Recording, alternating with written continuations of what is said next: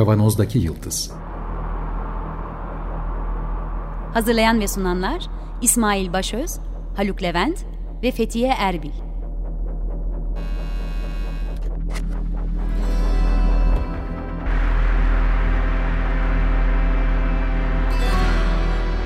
Bugünün penceresinden geleceğin ayak izleri. Merhabalar, Açık Radyo'dayız. 95.0 Kavanoz'daki Yıldız programında sizlerle beraberiz yeniden. Geleceğin ayak izlerini sürmeye devam ediyoruz. Bu üçüncü haftamız olacak yanılmıyorsam. Ortak veri açık bilim başlığıyla bir seri konuşmaya başladık.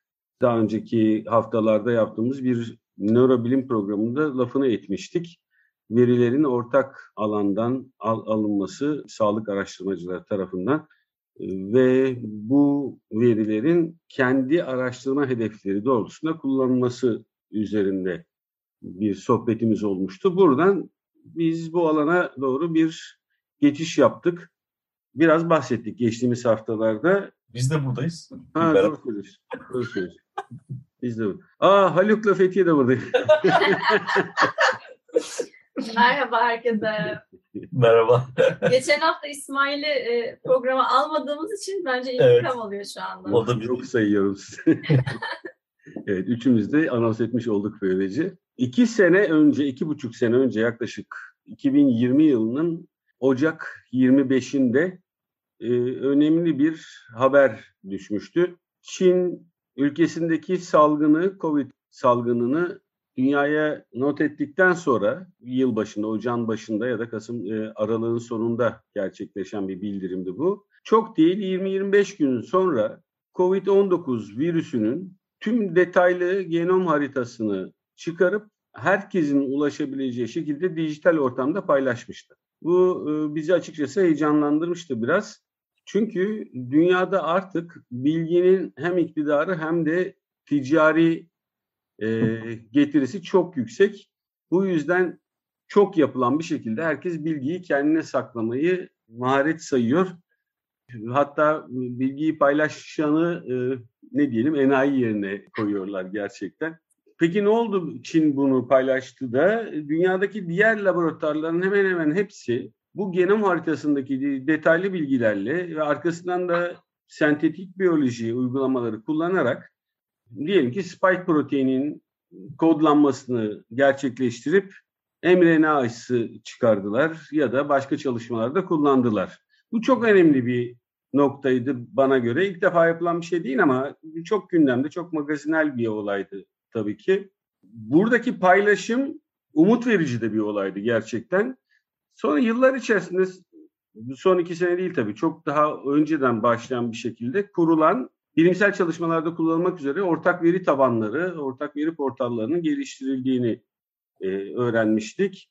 Şimdi ben arkadaşlar bir şey soracağım. Nasıl oluyor da böyle herkesin rahatlıkla ulaşabileceği, bilim insanlarının işte kendi denekleri olmadan bile diyelim ki geçtiğimiz haftalarda bahsettiğimiz gibi beyin MR'larını kendi hastaları olmayan kişilerin beyin MR'larını alıp kullanabilecekleri ortak veri havuzları yapılıyor işte herkes buraya verilerini koyabiliyor. Burası organize ediliyor. Fonlanıyor sonra bunlar. Bu sadece beyin MR'ıyla da ilgili değil, diğer bir sürü alanlarda da gerçekleşiyor. Ya bu dünyadaki şu anki kapitalist iş modellerine uygun bir şey mi sizce ya? Nerede, neden oluyor sizce bu ya? Değil, neoliberal e, saldırı altında bayağı dönüşen üniversite sistemine de aykırı aslında. Zaten o yüzden e, bilim yapma şeklini değiştirmek üzere bir talepler dizisi de var. Yani bu şimdi şöyle bir açmaz var. Bir yandan üniversiteler ve bilim kurumları, enstitüler, şunlar bunlar, Türkiye dahil bütün dünyada ortak çalışmayı, ortak çalışma derken hem disiplinler arası hem de ülkeler arası ya da kurumlar arası diyelim daha geniş anlamıyla kurumlar arası çalışmayı özendiriyorlar. Bunlar işte moda deyimle performans puanına artı yazan faaliyetler olarak görülüyor. Ama öte yandan da diyelim iki yazarlı makale, üç yazarlı makale oldu mu bu makalenin bir herhangi bir makaleye verilen puanı indirmeye başlıyorlar. Bir katsayıyla çarparak, birden küçük bir katsayıyla çarparak. E şimdi yani bir yandan ortak çalışmayı teşvik ediyorsun, e, onu fonlamaya çalışıyorsun, prim veriyorsun. 9'dan az ülke varsa bana hiç başvurma diyor Avrupa Birliği mesela. Bilmem kaç tane disiplin yoksa zaten kapımı çalma diyor. Ama öte yandan makale yazdığımda jüri üyeleri diyorlar ki onlar old school olarak e bu senin alanın mı ki? Niye burada? Yani niye burada yazıyorsun? Niye burada çok kişi var? Burada senin katkın ne? Yani ortak diyelim 20 20 kişinin mesela tıp tıp mühendislikte falan böyle şeyler oluyor. 20 tane yazar var. E senin burada katkın ne? E katkım orada olmak zaten. Yani tamam? O yüzden bu, bu performans kriterlerinin falan da değişmesi gerektiğini söylüyor zaten bu açık bilimle uğraşanlar. Bu yüzden evet, yani sistemin e, ilkelerine aykırı. Aykırı tabii. Ortak Hayır, benim benim takıldığım biraz iş modeli açısından. Şöyle benim komplo hipotezim şu ki bu özellikle veri alanlarında bir ortaklık sağlanmaya çalışılıyor. Tabii en çok e, üstte durduğumuz iki program önce söylediğimiz bizi de çok heyecanlandıran Open Notebook var. E, evet. Yani deney defterlerinin bir çeşit paylaşılması, deney süreçlerinin ya da çalışma süreçlerinin paylaşılması. Bu da şahane e, aslında çok çok daha önemli benim için de. Şimdi verilerin bir araya gelmesi ve burada daha çok da yapay zeka e, üzerinden çalışmaların yapılması bence buraların fonlanma sebebi gibi gözüküyor. Birkaç yerde de e, gözüme çarptı bu. Büyük fon kuruluşları, şirketler bu tür ortak alanları destekleyip buradan gelecek verilerle öğrenen makine çalışmalarında hızlandırabiliyorlar.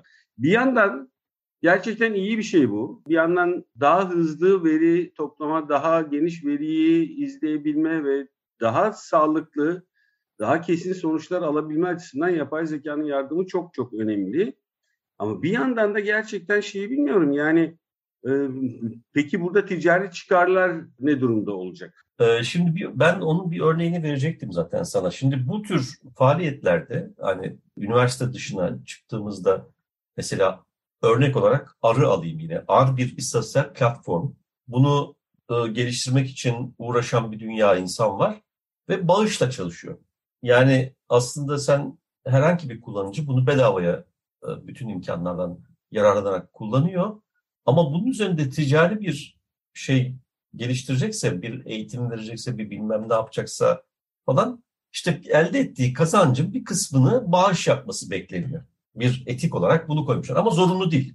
Şimdi bunun ötesinde bu zaman içerisinde bayağı bir kurumsallaşma gerçekleşti burada. Şimdi bu alıp yürüyünce mesela IBM e, bir arayüz yazarak, IBM değil Microsoft bir arayüz yazarak arı Microsoft'un e, araç seti içerisine dahil etti. Bu bayağı bir tartışma yarattı.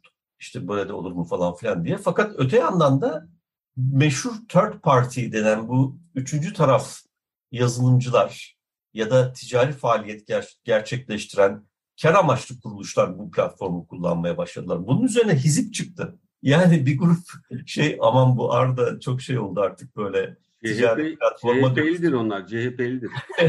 ticari platforma dönüştü deyip Julia diye bir başka dil geliştirdiler. R'dan daha süratli çalışan ama işte grafik arayüzü falan biraz daha henüz gelişmemiş. Fakat bunlar radikal open science'çılar. Öyle aramıza third party falan almayız, kabul etmeyiz kardeşim. Bu Arda yoldan çıktı deyip o, o tür bir Peki. E, ismi geliştirdiler. Bu çok tartışılan bir konu yani. Tam tam şimdi e, üzerine bugün konuşmayı planladığımız makaleye doğru bir pas gelmiş oldu. Burada elbette tartışmalar, çıkar çatışmaları, etik kaygılar e, çokça aldı yürüdü. Bunun üzerine birçok yerde bu konuda birçok tartışma yapılıyor. Gerek kişisel e, verilerin, hele hele sağlık verilerinin kullanılıyor olması, gerek diğer etik tartışma noktaları, marjinal gruplar vesaire. E, birçok kişi yazıyor, tartışıyor. Derli toplu bir makale, biz bugün üstünde duracağımız makalede çok iyi paylaşılmış. Türkçesi bir sürat koşusu değil bu. Bir maraton evet. e, beyin görüntüleme, açık bilim ve etik diye. Michel e, Bove, evet. Mark Maria Noppers, Judy Ills tarafından yazılmış bir makale. Çok kapsamlı, çok da iyi bir makale. Burada 8 ayrı başlıkta toplamışlar ama ben bunları ayrı ayrı konuşmak yerine açıkçası e, birbirine mix edelim derim. Çünkü hepsi birbiriyle o kadar ilintili ki ben bir giriş yapayım. Mesela e, ilk e, başlangıçta onlar bir madde olarak bunu söylemişler ama tekrar diyorum bütün hepsi birbirine çok bağlantılı etik tartışma alanları. Bireylere ve topluluklara saygı diye başlıyor. Şimdi burada en önemli tartışmalardan biri zaten dünyada artık kabusumuz olan bireysel verilerin, kişisel verilerin kullanımı ve kişilerin, bireylerin e, onayı dışında kullanımı ile ilgili çok büyük dertler var. Evet bu konuda çok önem verilmesi, çok özen gösterilmesi gerekiyor. İşte verilerin anonimleştirilmesi vesaire söz konusu olabilir. Fakat buna karşılık da bireye gösterilen bu e, önemin, bireye verilen bu önemin toplum faydasına çıkarımlar yapacak çalışmaların de engel olmaması gerektiği e, mutlaka altı çiziliyor. Yani bu ikisinin arasında bir dengenin kurulması gerekiyor. Burada elbette bireye saygı olması gerekiyor ama toplum çıkarlarını gözeten çalışmalarında, e, bütün toplum faydası olacak çalışmaların da bu noktada belli bir denge içerisinde birlikte gözetilerek devam etmesi gerekiyor. Burada bir şey daha var tabii. O da çok önemli bir mesele. Veri üretiminde ve veriye erişimde adalet. Ne kastediyoruz? Mesela e, çok yakın zamandan, içinde bulunduğumuz dönemden bir örnek vermek gerekirse, TÜİK'in ürettiği verilerde ya da resmi herhangi bir veri kaynağında hatta özel çalışma yapan, anket çalışması yapan şu bu falan gibi insanların e, veri setlerinde zorunlu göç olarak ülkemizde bulunanlar yoklar. Bunların bir kısmı vatandaş olmuş, bunların bir kısmı e, oturma izni almış olmuş, bu olmuş. Yani sonuç itibariyle buradaki bütün toplumsal faaliyetin bir parçası durumundalar ama yoklar. Mesela çok güncel bir örnek vereyim. Ben e, geçici tarım işçisi çocukların eğitime erişimi, okul öncesi eğitime erişimiyle ilgili bir bölüm yazıyordum az önce. Ve hiçbir yerde göçmen, mülteci çocuk, e, tarım işçisi, ailelerin çocuklarıyla ilgili bir veri yok resmi kaynaklarda. Ancak tahminler ve anekdotlar üzerinden yazılan raporlar var. Dolayısıyla bu görünmezliklerin yani özellikle burada kırılgan toplumsal kesimlerin den bahsediyoruz. Bu kimlik bazlı da olabilir, coğrafi bazlı da olabilir. Bunların veri setlerinde görünmemesi problemlerinin toplumsallaşamamasına neden oluyor. Evet. Bu, bu da bir büyük ayrımcılık tabii ki. Dolayısıyla bu açık veri ve açık bilim bunun da önüne geçmenin e, birinci ilke olduğunu söylüyor her zaman etik olarak. Onların dahiliyetinin dahiliyeti çok önemli. önemli. Veri adaletinin de burada evet. tüm bireylerin ve toplulukların potansiyel suistimaline karşı e, evet. açık, ulaşılabilir ve hesap verilebilir bir şekilde. Evet. Olmaz. Evet. Tüm bireylerin ve toplulukların ama evet. hepsi yani. Çünkü o kişilerin o verilerde yer almaması demek aslında devletin, kamunun görevini yapmasının önünde bir engel ve kullanılabilecek bir, abuse edilebilecek, istismar edilebilecek bir araç evet. oluyor. Aynı zamanda haklara erişimini engellemiş, engellemiş. oluyor. Görünmüyor. Yani top, toplumda öyle bir şey yok gibi. İşte e, ne bileyim çeşitli e, toplumsal cinsiyet. E, ha, şimdi bu, bu, bu burası bir öbür kısmı, öbür ayağı. Bir görünmeyen var. Bir de bu çalışmalarda marjinal grupların korunması üzerine vurgulanmış evet. bu makalede. Marjinal ee, gruplardan kastımız da onu açabiliriz belki. Marjinal lafı iyi bir laf değil çünkü ama neyse. Ama İngilizce'de evet. marginalized communities. Evet, marjinalleştirilmiş gruplar evet, diyelim. Evet, evet, evet daha doğru. Marjinalleştirilmiş gruplar diyelim.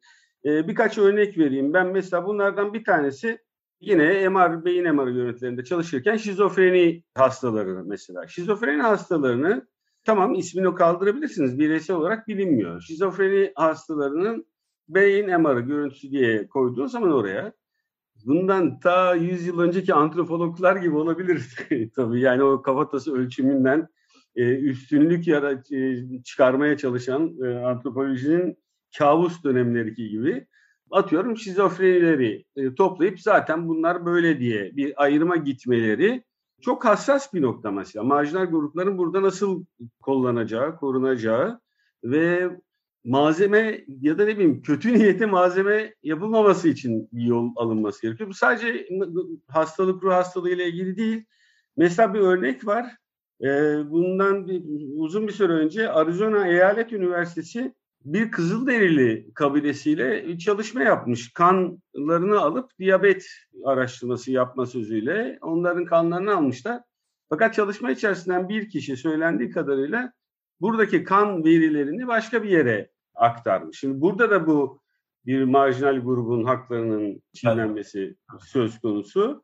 Ya da örneklerden biri de şey İsmail, e, trans bireylerin evet. yer aldığı araştırmalar ve diyor ki bu verileri e, anonimleştirmeden kullanırsanız onların istemedikleri durumda, e, onamlarının olmadığı durumda kimlikleri topluluk olarak da birey olarak da açığa çıkabilirse ya da onlarla ilgili araştırma sonuçları normal sıradan vatandaşlar için anlaşılamayacak ve önyargıyı büyütecek bir şekilde yayınlanırsa bu da açık veri yaklaşımının etik ihlali olur. Etik ihlali. Etik ihlali.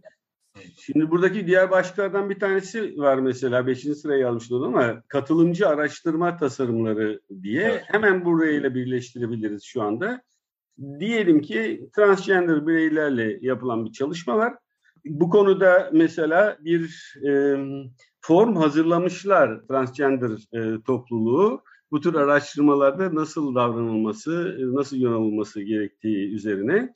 Şimdi bu e, noktada da bu veriler toplanırken ve değerlendirilirken araştırma planlamalarını, araştırma tasarımlarını çalışılan gruplarla beraber yapılması önerisi var. Tam da buraya bir bağlantı oluyor işte. O marjinal gruplar olabilir ya da bir hasta grupları olabilir. Onlarla beraber katılımcı bir şekilde araştırma planlamasının tasarımının yapılması. Bu neden önem taşıyor? Çünkü buradaki ilişkiyi daha güven boyutuna taşımak ve insanların da aslında dışarıdan orayı araştıracak olan insanların normalde deneyimlemedikleri süreçleri belki de daha sağlıklı bir şekilde bu gruplardan öğrenebilme ihtimallerine sahip olacak. Hem araştırmanın daha sağlıklı olabilmesine hem de diğer insanların şimdi diğer bir maddi başlığına geçiyorum rızalarını almak şeklinde gerçekleşecek. Yani Sektörle çok bağlantılı. Rıza da katılımcılık da çok bağlantılı. E bu zaten işte e, o açık defter biliminin temel ilkesi yani bu eğer araştırma sürecinin başından itibaren e, açık bilim devreye girecek olursa o zaman araştırmanın nesnesi durumundaki gruplar ya da kırılgan kesimler ya da e, bireyler e, kırılgan olsun olmasın fark etmez. Onlar da araştırmanın salt nesnesi olmuyorlar. İnteraktif bir ilişki haline e, dönüşebiliyor. Tabii burada istatistiksel tasarım ilkelerinin de korunuyor olması lazım. Yani bir şey haline dönüşmemesi için saptırıcı yani bias yaratacak bir hata yaratacak araştırmanın e, yapımında bir istatistik hata yaratacak şekilde olmamak kaydıyla tabii e, bunun güzel. Onun da yolları var. Aslında bütün bunlar, bütün bu açık bilim, e, meselesi bizim özlemini duyduğumuz toplumun e, toplumda bilimin nasıl yapıldığını. Evet. E, evet. Star Trek dünyasının biliminden bahsediyoruz aslında. Anında paylaşma, işte network, şu bu. Çünkü neden? Çünkü meta ilişkisine konu olmuyor. Bir, bir piyasalaşma söz konusu değil. Bu, bu, bu, bu baştan zaten bunu e, koydukları için bir farklılık oluşmuş durumda. O farklılık çerçevesinde de bugünkü sistemle çatışma ortaya çıkıyor zaten. Ve istismar edilme de orada e, ortaya çıkabiliyor. İşte o third partiler, şunlar bunlar, kar amaçlı yapılanlar, her ne kadar iyi insanlar ve işte tırnak içinde iyi amaçlar çerçevesinde bir para kazanma faaliyeti ama para kazanmanın kendisi bu açıklık üzerine oturduğunda uymuyor yani o kalıba girmiyor diyelim. Evet hem etik açıdan hem ticari açıdan kullanması ve bu yapının bu aç, e, ortak veri açık bilim organizasyonunun denetlenmesine dair önerileri var bu insanların. Gerçekten biraz önce bahsettiğimiz gibi çünkü suistimale çok açık her açıdan. Hem toplumlar hem bireyler hem çalışmacılar aslında araştırmacılar için de suistimale çok açık bir noktaya doğru geliyor. Bu bir e, bir noktamız daha vardı. Yine işte aslında arada lafını da geçirdik. Elbette gizliliğin korunması demin söylediğimiz gibi o marjinal gruplarla çalışırken ya da bireylerin gizliliği ya da toplulukların gizliliği ile ilgili e, çok önem taşıyor. Bu da yine biraz önce bahsettiğimiz diğer başlıkla çok ilintili. Katılımcı araştırma tasarımları, katılımcıların deney, deneklerin de e, bir şekilde bu tasarımlara katılmasıyla onlar da gizlilik konusunda nasıl pozisyon alınacağına dair karşılıklı etkileşimli fikirler geliştirme şanslarına sahiptirler diye. Hatta bir kavramdan bahsediyor ben. Bunu da, daha detaylı okuyacağım kendi tezim içinde. Rıza dediğimiz şeyin biz araştırmacılar başta alınan bir şey olduğunu hep düşünürüz. Çok eski geleneksel e, şeyi budur, tanımı budur. Ama burada dinamik rızadan bahsediyor. Yani araştırma devam ederken buna evet ama buna hayır diye katılımcı bireyle ya da gruplarla birlikte bunu tartışabileceğim. Bazen rızasını geri çekebiliyor. Çünkü sonuçlarını onu anlatıyorsun. Bir yapıdan bahsediyor. Bu tek başına e, üzerinde evet. konuşabileceğimiz harika bir konu bence. Dinamik rıza meselesi. Evet yani süreç içerisinde o Open Notebook'ta izleyeceğimiz araştırma süreci ya da deney süreçleri içerisindeki değişiklikler ve müdahalelerde tekrar rıza boyutunun gündeme getirilmesi gerektiği çok önem taşıyor. Ama dediğiniz gibi işte baştan bir imza aldık bitti. Çünkü bu imza da sadece şey için alınmıyor açıkçası. Hukuksal yükümlülüklerimizi yerine getirelim. Yani bir insani etkileşim için değil, aman abicim hukuksal bir başımız derde girmesin sonradan işte bize karşı çıkıp tazminat davası açmasının şeklinde bir ilişkiyle gidiyor. Tabii bütün araştırmacıların böyle yaptığını söyleyemem. Yani kimseyi töhmet altında bırakmayalım. Ama sonuç itibariyle temelde bu. Diğer etik sayık e, biraz daha geride kalıyor açıkçası. Eğer bu böyle düşünürse zaten dinamik rıza gündeme gelecektir Fethiye söylediğim. Aslında bu kavramlar mesela sen bir e, tıpçısın, Haluk bir istatistikçi. E, belki bu alanlar için bu sayısal ağırlıklı araştırmalarda yeni gibi geliyor ama sosyoloji araştırmaları bunu belki 70 yıldır vesaire konuşuyor. Toplumların içine girip onlarla birlikte yaşayarak, gözlemleyerek onun bir parçası olarak özellikle feminist araştırmalar, kadın araştırmalar, etnografya, antropoloji. Evet, evet. Belki bu konuda çalışan e, sosyal bilimci birini de davet ederek bunu da ayrıca konuşabiliriz. Çünkü az önce ikiniz de dediniz istatistiklerin bozulması, araştırma tasarımının bozulması diye. Bu taraf oradan korkmuyor. Bu taraf e, sürecin katılımcıya yararını daha birincil bir e, hedef, hedef olarak alıyor. E, bu taraf dediğin tıp gibi alanlardan bahsediyorsun. Yok, et, Yok. etnografi çalışan. Ha, anladım. Sosyal bilimler. Diğer başlıklarda e, kısaca geçelim. Bağlamsal bütünlük yani e, o verilerin araştırmalarının içerisinde e, gerçekten e, diğer bir diğer başlıkta da birleştireceğim bunu. Araştırma hedefleriyle de ortaklaştırarak yani e, hedefi doğru planlayıp işte biraz önce saydığımız şeyleri işte birlikte planlama, rıza, gizliliğin organize edilmesi bu araştırma hedefine göre dizayn edilmesi gerekiyor. İşte yola çıkıp sonra hedefi değiştirirsen diyelim ki bir sebepten dolayı yeniden bütün bu sürecin gözden geçirilmesi gerekiyor. Çünkü elde o kadar veri var ki e, olacak ki artık aa bir dakika ya ben buna bakıyordum ama burada yeşil gözlüler görmeye başladım ben deyip e, nasıl olsa rızayı da almıştık, organizasyonu da yapmıştık. Olmaması gereken bir süreç burada da o bütünlüğü ve hedef e, bütünlüğünü e, araştırmanın hedef bütünlüğünde korumak, kollamak gerektiğinin altı çiziliyor.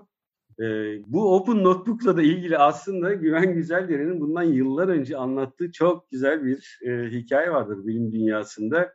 Çok kısa bahsedeyim. E, yanılmıyorsam Stanford Üniversitesi'ndeydi.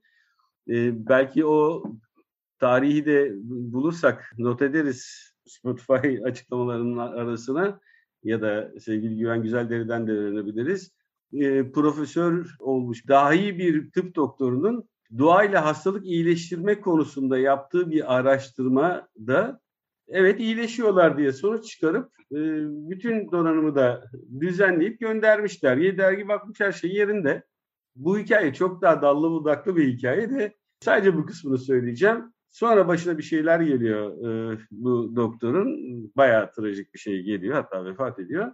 Peşinden o ilk çalışmasıyla ilgili bir ihbar gidiyor dergiye. diyor ki ya bu e, araştırmada atıyorum 25 tane e, parametre takip edildi. Size gönderilen sadece 5 parametre dua okunan insanların daha iyi bir duruma geldiğini gösteriyor deyip işte o Not Open Notebook'u o deney defterlerini gönderdikleri zaman dergiye yazı geri alınıyor. E, gerçekten bir kandırmaca olduğu da ortaya çıkıyor. Belki kendisi de gerçekten kanmıştır çünkü Yanılmıyorsam ölüm sebebi de doğayla iyileşebileceğini zannetmesi olmuş kendisinin doktorunda. Bunu e, belki biraz daha açık konuşabiliriz. Bu arada da Güven Güzel diye de buradan alıntı yaptığımız için teşekkürlerimizi iletelim tekrar. Evet, programın sonuna geldik galiba. Günlük bu kadar. E, bu konuda konuşmaya edeceğiz. devam etmek isteriz. Ortak veri açık bilim konusunda sohbetimizi sürdürmeyi planlıyoruz. Evet, e, bu programın size ulaşmasını sağlayan bütün Açık Radyo çalışan arkadaşlarımıza çok teşekkür ediyoruz. Program destekçimize keza içten teşekkürlerimizi iletiyoruz. Önümüzdeki hafta görüşmek üzere. Sağlıkla kalın. Hoşçakalın. Hoşçakalın.